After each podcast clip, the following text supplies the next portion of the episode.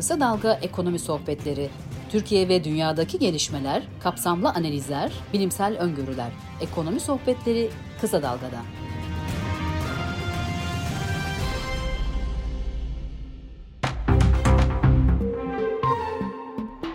Ekonomi sohbetlerinden merhaba bayramı geride bırakmaya hazırlanıyoruz. Bayramı ortaladık şimdiden bir kısmımız bayram tatiline gitme imkanına sahip olurken bir büyük bir kısmımız aslında evlerimizde bu dönemi geçirdik. Türkiye ekonomisinin içinde olmuş olduğu durum pek çok alışkanlığımızı değiştiriyor. Neler oluyor, neler yaşıyoruz.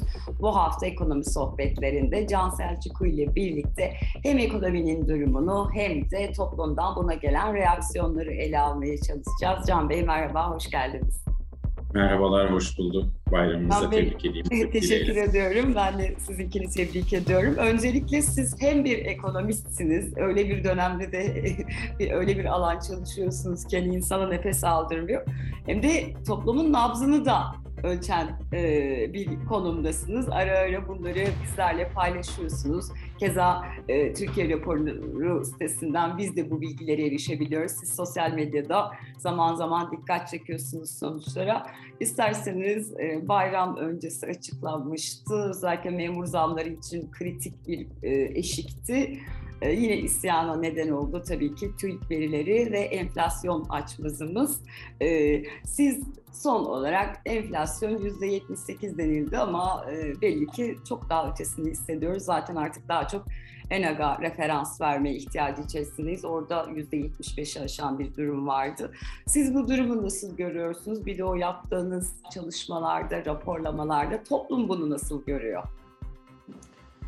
Ee, Tabii yani Türkiye'nin şu anda en önemli meselesi enflasyon kuşkusuz e, ekonomi alanında. E, çünkü enflasyon sonuç olarak e, temelinde düşük gelir grubuna uygulanan bir vergidir aslında. E,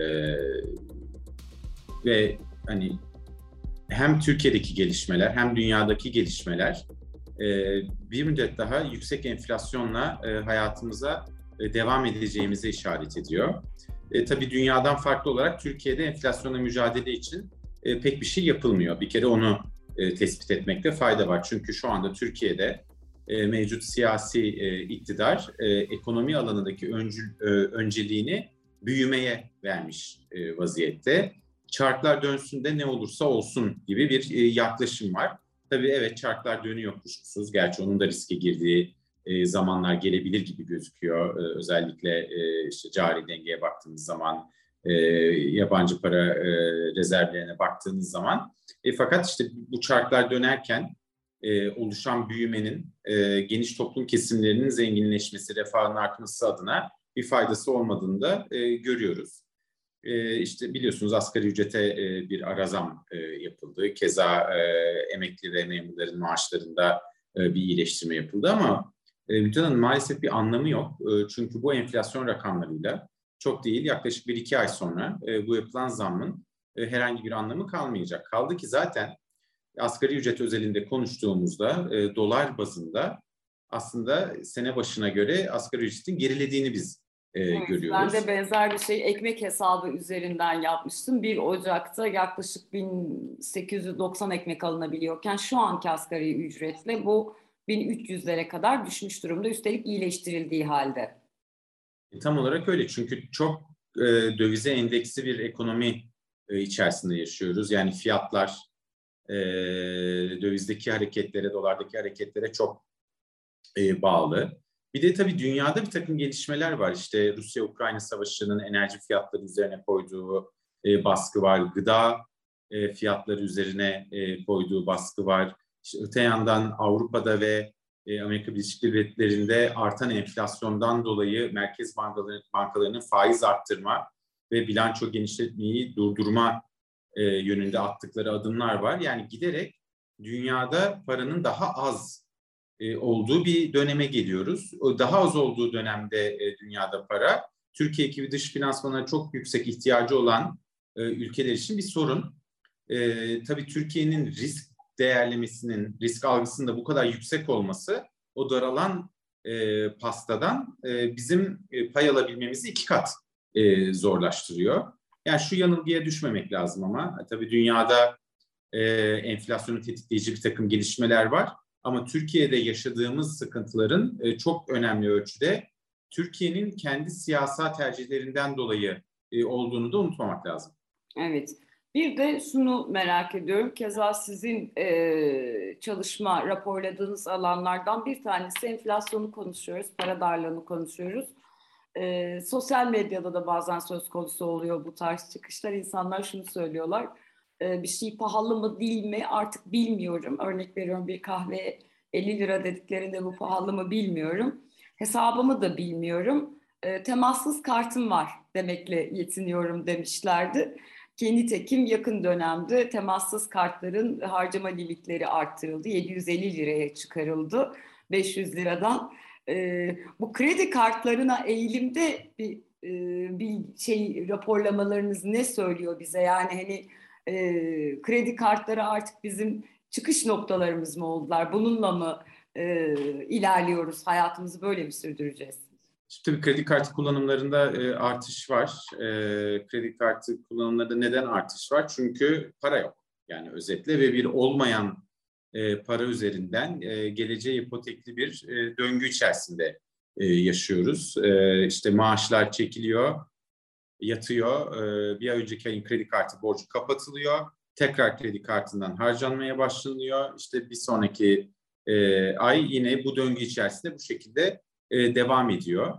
Ama tabii burada şunu görmek lazım. Yani tasarruf diye bir şey söz konusu değil. Tasarruf Hı-hı. dediğimiz şey şu anda ortalama bir hane halkı için son derece lüks bir e, konu. Kaldı ki zaten Türkiye tarihsel olarak tasarruf değerleri e, düşük bir memlekettir. Onun da altını çizmek lazım. Genel olarak maaşların düşüklüğünden kaynaklanır bu. Hı hı. Bunun ne gibi bir e, sakıncası var? E, tasarruflar az olduğu zaman o zaman e, yatırım için e, kullanılacak kaynak yani kredi kaynağınız olmuyor. O olmadığı zaman da dış finansmana e, aslında ihtiyaç duyuyorsunuz. Yani Türkiye'nin dış finansman ihtiyacının temelindeki konulardan bir tanesi Türkiye'nin tasarruflarının e, yetersiz olmasıdır. Şimdi biz Haziran ayı Türkiye raporu anketinde geçtiğimiz ay geliriniz giderinizi ne derece karşıladı diye sorduğumuzda yüzde 60 karşılamadığını söyledi. Yüzde 27 de ucu ucuna karşıladığını söyledi. Yani yüzde 87'si toplumun şu anda e, aylık bazda geçimini e, sağlamakta ciddi zorlanıyor ve bunların önemli bir kısmı bir iş kaybı durumunda, Allah korusun bir kaza, bir hastalık e, durumunda gerçekten ciddi anlamda e, sıkıntıya girecek bir kesimden bahsediyoruz. E, maaşlar giderek asgari ücrete e, yaklaşıyor. Yani asgari ücret nedir? E, bir e, bir emek, bir iş piyasasında diyelim e, alınabilecek en düşük e, maaşı belirler. E, ama bizde medyan maaş haline gelmeye başlıyor. Yani ne demek? Ortalama maaş haline e, gelmeye başlıyor. Maaşlar bu kadar düşünce tasarruf daha da e, yapılamıyor. Bir geçim sıkıntısı var. Burada şunu e, dikkat et, yani dikkatinizi çekmek istiyorum. Biz bunu Temmuz ayında yaptık bu soruyu sorduk. Daha da yayınlamadık ama buradan sizinle paylaşayım. Katılımcılara Türkiye çapındaki anketimizde şunu sorduk. Geçim sıkıntınızın bitmesi için hangisini tercih edersiniz dedik. Şey e, maaş artışı mı enflasyonla mücadele mi? Yüzde yetmişe yakın enflasyonla mücadele dedi. Bakın çok çarpıcı bir sonuç. Çünkü evet. diğeri hani tabiri caizse trink para. Bugün maaşınıza bir şey getiriliyor ama toplum yani insanlar şunun farkında. Enflasyonla mücadele edilmediği sürece maaşlar ne kadar artarsa artsın fiyatlar daha fazla arttığı için geçim sıkıntısında geçim sıkın geçim konusunda bir rahatlama e, olmayacak. Dolayısıyla toplumunda da aslında öncelik şu anda maaşların artması tabii ki bir çok dönemsel bir rahatlama yaratıyor ama esas mesele toplumun beklentisi de siyasetten, yönetimden, hükümetten enflasyonla e, mücadele etmeleri. E, enflasyonla mücadele konusunda pek bir şey yapılmadığını görüyoruz. Yani bütün alınan kararlara baktığınızda daha çok dediğim gibi çarkları döndürmeye, işte e, dolar talebini e, baskılamaya, e, bunun üzerinden ithalatın ve ihracatın e, sekteye uğramamasına yönelik bir takım e, adımlar atılıyor. E, ama siz bu ikinci sorunuzun en başında söylediğiniz gibi tamamen fiyat algımız dağılmış vaziyette. Evet. Yani evet, üretici de bilemiyor. Yani bugün ürettiğiniz bir ürünü kaça satabileceğinizi bilemiyorsunuz. Çünkü 6 ay sonra ne olacağını bilmiyorsunuz. 6 ay sonra o ürünün ham maddesini, girdilerinin fiyatlarının ne olacağını bilmiyorsunuz. Aynı şekilde tüketici de bizler de bir şeyin fiyatını gördüğümüzde artık doğru mu yanlış mı e, olduğuna dair bir değerlendirme yapamaz hale geldik.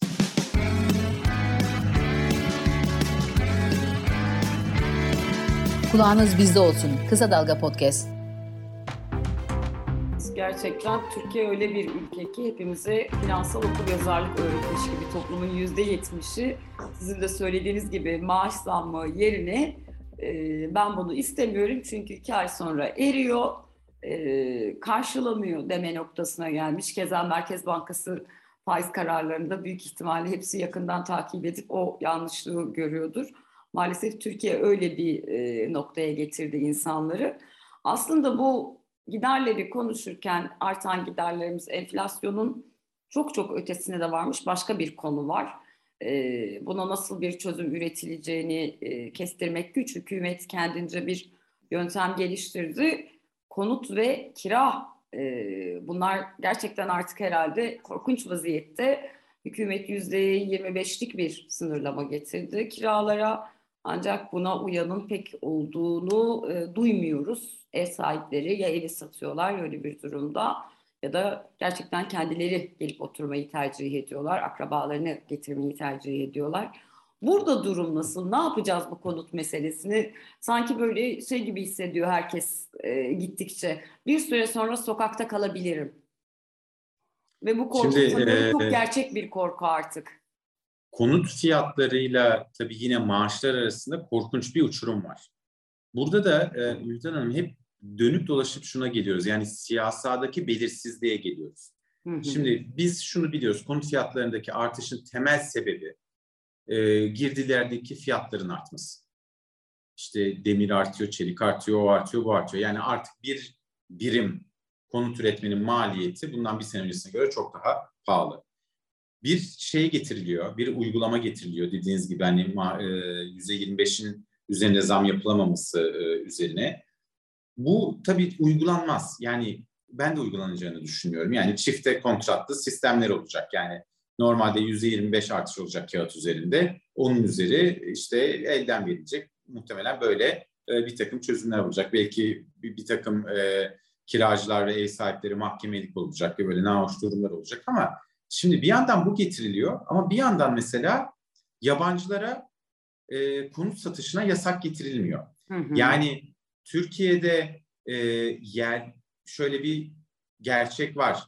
Sonuçta faizler bu seviyedeyken birikimi olan vatandaş ne yapıyor? Parası erimesin diye ya gidiyor dövize yatırıyor ya da ihtiyacı olmadığı halde yatırım amaçlı ev alıyor, araba alıyor, bir şeyler yapıyor. Bunun da fiyatları yukarı ittiğini biliyorsun. Bununla mücadele için de bir takım düzenlemeler getiriliyor. Yani kredilerle e, ya konut kredilerine bir takım sınırlamalar getiriliyor. Ama diğer tarafta bunu yaparken yani Türkiye vatandaşlarının konut alma imkanlarını limitlerken mesela yabancılara konut satışını limitlemiyorsunuz. Hı hı. E öyle olunca ne oluyor? Bir anda bir grup alıcı piyasadan çekilince o zaman diğer grup alıcı yani yabancılar çok daha rahat mesela ev almaya başlıyor. Yani ha, yabancıların ev almasında bir sorun var mı? O ayrı bir tartışma. Bence var açıkçası. Evet. Onu başka bir şekilde konuşabiliriz ama buradaki siyasanın öngörülemezliğine ben e, esas işaret etmek istiyorum. Yani atılan adımlar işte Cuma günü BDDK bir karar açıklıyor. Kimse anlamıyor. Pazar akşamı onu düzeltmek için yeni bir e, şemalı bir e, doküman hazırlıyorlar. O yayınlanıyor. Yine hiç kimse bir şey anlamıyor. Pazartesi sabahı bankalar ne olur ne olmaz diye kredi operasyonlarını durduruyor. Yani bir öngörülebilirlik kalmadı. Evet. Bir yerden çünkü sadece ekonomide değil bütün politika alanında bir takım yaptığınız tercihler başka bir alanın pahasına olur. Evet. Bu böyledir zaten. Yani siyasi irade bir takım tercihler yapar, bir takım önceliklendirmeler yapar. Şimdi bizim e, yaptığımız siyasal tercihlerinde bu bütüncül bakışın olmadığını e, ben görüyorum. E, bu da hem tüketici tarafından hem iş insanları tarafından opere etmeyi e, bir ekonomi e, yani ekonomik alanda faaliyet göstermeyi çok zor hale getiriyor. Evet. Tam da buradan devam edersek aslında yine sizin e, raporladığınız alanlardan bir tanesiydi. Henüz dediğiniz gibi çok büyüme odaklı giden bu ekonomide belirsizliğin bir süre sonra büyümeyi de esir alacağı bu nedenle firmaların küçülmeleri gidebileceği ve bunun da bizim için yansımasının işsizlik olacağını biliyoruz. O cepheyi nasıl değerlendirmek lazım? Nedir? O, oraya dair görüşünüz nedir? Yani bize bir işsizlik sarmalı bekliyor mu yakın zamanda? İşsizlik sarmalındayız zaten. Yani açıklanan resmi rakamların mevcut işsizliği yansıtma durumu maalesef yok. Hı hı. Ee, hani iş güç yani a, iş aramayanları, yani iş aramaktan vazgeçenleri işsizlerden çıkartabilirsiniz belki kağıt üzerinde ama bu insanları rokete doldurup Mars'a yollamıyorsunuz. Türkiye'de yaşamaya devam ediyorlar. Evet. Anlatabiliyor muyum? Dolayısıyla işsizlik sarmalındayız zaten. Hı hı. Ha, bu daha da artabilir mi? Artabilir. Tabii kötü senaryolar var. Örneğin işte bu haftanın gelişmesi e, dolar euro karşısında değer kazanıyor. Evet. Çok önceliklendiğimiz ihracata baktığınız zaman Türkiye'de ihracatın birincil kanalı dolarla ithalat yapılır. Euro ile ihracat yapılır. Fakat euro ile dolar arasındaki fark kapandıkça ihracatın gayri safi yurt dışı hasılaya katkısı da e, daralıyor. Mesela acaba şunu merak ediyorum. E, Aralık'ta Türkiye Ekonomi Programı diye açıklanan dokümanın varsayımlarında Fed'in faiz indir faiz yükselteceği, bu nedenden dolayı e, doların, doların değer kazanacağı, doların değer kazanmasının euroya karşı da e, olabileceği, bunun üzerinden bizim ihracat ithalat dinamiğimizi olumsuz etkileyeceği mesela oranın varsayımları içerisinde var mı? Şimdi baktığım yerden ben yokmuş gibi e, evet, değerlendiriyorum. Öyle görünüyor. Açıkçası. Yoksa buna dönük de bir, oysa işte siz de söylüyorsunuz pek çok ekonomist FED sonuçta bir sürpriz yapmadı. Yani ben genişleyeceğim deyip bir anda daralmaya gitmiyor şu an.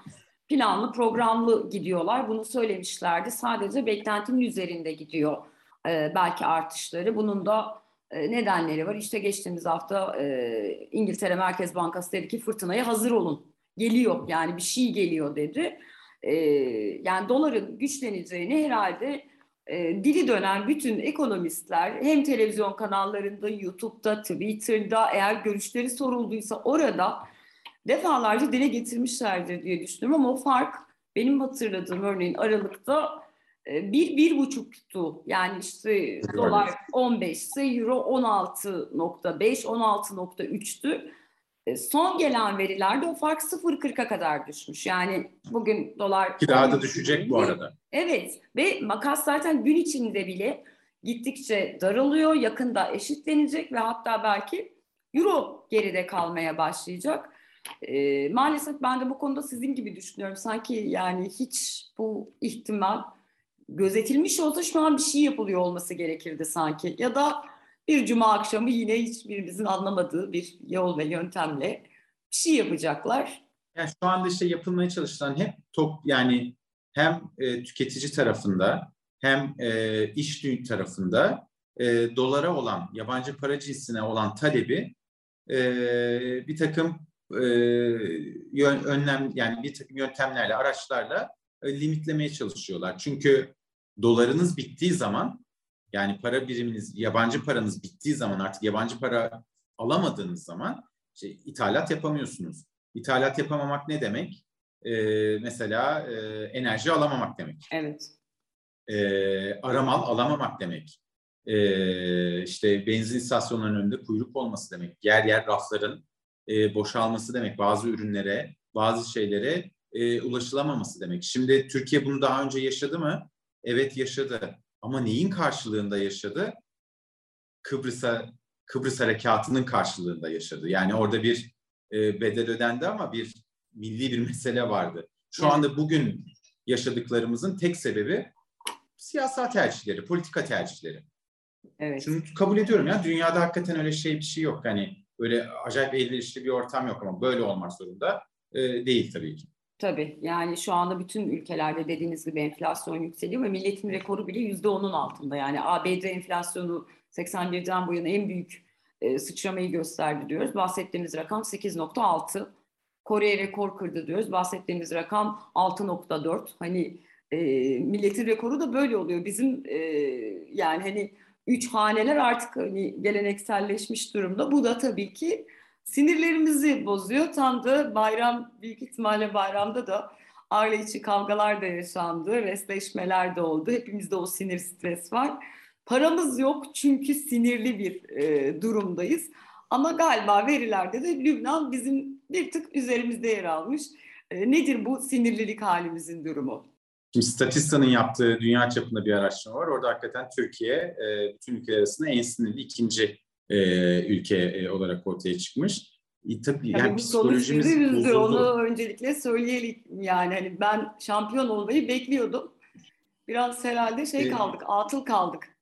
Ama şöyle yani e, Türkiye yüzde 48, e, Lübnan yüzde 49 dolayısıyla 2-3 e, ay sonra ben e, Lübnan'da e, geçeceğimizi e, inanıyorum. Bu an diğer ülkelere baktığımızda da işte Ermenistan var bizden sonra, Irak var, Afganistan var, Ürdün var, Mali var, Sierra Leone var. Yani tabii gençler mutsuz bambaşka sebeplerle. Orta sınıf kalmadı artık eriyor bambaşka sebeplerle. Yani siz az önce dediniz ya hepimizde bir e, ekonomi uzmanı olduk, finansal okuryazarlık arttı. Yani günlük hayatımızda gerçekten hiç bilmememiz gereken, hiç uğraşmamamız gereken evet. e, konularla uğraşıyoruz ve bu da tabii e, psikolojimize e, bence yansıyor ve ben bunu geçenlerde de söyledim. Hatta biraz tepki aldı ama tekrar edeceğim. Bugünün çok akıp çok yakıcı ekonomi problemleri var. Kabul. Ama bugünün ekonomik problemlerinin bizi mahrum bıraktığı bir takım şeyler bundan 5-10 sene sonra çok daha büyük toplumsal meseleler olarak karşımıza çıkacak. Bu işin psikolojik tarafı var, bu işin beslenme tarafı var, e, birçok başka e, tarafı var. Yani mevcut tarafı var. Kişisel gelişim tarafı var. Yani iktisadi zorlukları, bugünün iktisadi zorluklarının bizi mahrum bıraktığı bir takım şeyler, eksik bıraktığı bir takım alanların biz 5 sene sonra, 10 sene sonra toplumsal boyutta sıkıntılarını e, göreceğiz maalesef. Bu bunun için böyle falcı olmaya gerek yok. Şu anda çünkü bir takım e, işte et yemiyorsunuz mesela şu anda. Evet. Bundan 10 sene sonra bunun bir problemi var. Tabii. E, dolayısıyla yani çok daha aslında e, gelecek 10 yıllarımızı e, etkileme potansiyeline sahip bir e, dönemden geçiyoruz. Burada tabii Ümit Hanım şunu hatırlamakta fayda var. En üzücü tarafı. Türkiye yüksek enflasyon yaşadı, bununla mücadele etti ve buradan çıktı. Evet. Ve hafızaları ta, e, tazelemekte fayda var. Bu iş kolay olmadı. Tabii. Yani 2001 krizi, ondan önce 99, 2001, ondan sonra atılması gereken at, adımlar, e, o acı reçete, bunları biz toplum olarak içtik ve bunların bedellerini ödedik. E, bu politika şeylerin, bunu tekrar yapmanın lüzumu yok. Evet. Türkiye bu konudan mezun olmuştu. Bitmişti bu konu. Evet. Maalesef. Tamamen kurum, kurumların kalitesinin e, alaşağı edilmesi, bağımsız özel kurumların e, kalitesinin ortadan kalkması, e, bütün kararların e, tek bir e, yerde toplanması, e, giderek tabii ki her siyasal alanında, ekonomide de olduğu gibi rasyonel karar verme süreçlerini e, alaşağı ediyor. Onu ettiğiniz zaman da işte bugünkü gibi e, sonuçlarla karşı karşıya kalıyoruz. Anlıyorum. Anlattıklarınızdan sinirimizin pek kolay geçmeyeceğine dair bir maalesef e, izlenim maalesef. edindim. Yani Allah yardım etsin ne diyelim yani başka da yardım edecek kimse yok gibi görünüyor zaten yani ederse o edecek yani. Şimdi Çok şöyle iyi. ama belki de e, yani son olarak şunu söylemekte fayda var hem e, bayram vakti e, o kadar da herkesin tadını kaçırmayalım hem de gerçekten inandığım bir şey e, Türkiye öyle kolay kolay e, batacak, yıkılacak e, bir ülke değil. Ben öyle bir senaryoyu hiçbir zaman Türkiye için e, değerlendirmem. E, bunu bir e, hani ülkesini seven vatandaş olarak değil, gerçekçi bir e, bakış açısıyla e, bunu söylüyorum. Türkiye'nin çok ciddi donanımları var. E, Türkiye'nin çok ciddi bir e, altyapısı var. Türkiye doğru politika tercihleri yaptığı müddetçe rahatlıkla toparlayabilecek ve bu zor günlerini atlatabilecek kapasitede bir ülke. 10 e, yıllar içerisinde de bunu defaatle kanıtlamıştır zaten. Çok teşekkür ederim. Umut verici olduğu bir yeriyle dediğiniz gibi bayram günü böyle tam da şey gibi oldu. Bayramlık ağzımızı açmışız gibi oldu. Biraz öyle oldu. Ağzınıza sağlık Can Bey. Çok teşekkür ediyorum toparlamanız için. Ben teşekkür Bayram... ederim. Bayram gününde Can Selçuk ile birlikte size Türkiye'nin ekonomik profilini çıkartmaya çalıştık. Sohbet pek keyifli değildi. Konu maalesef e, can sıkıcıydı. Dolayısıyla dost acı sorular dedik. Biraz acı gerçeklerden bahsettik.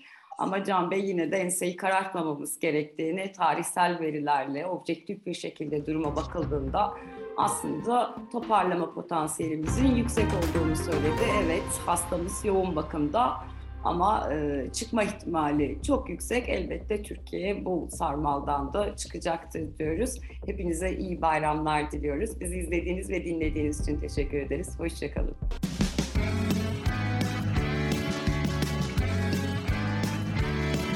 Kulağınız bizde olsun. Kısa Dalga Podcast.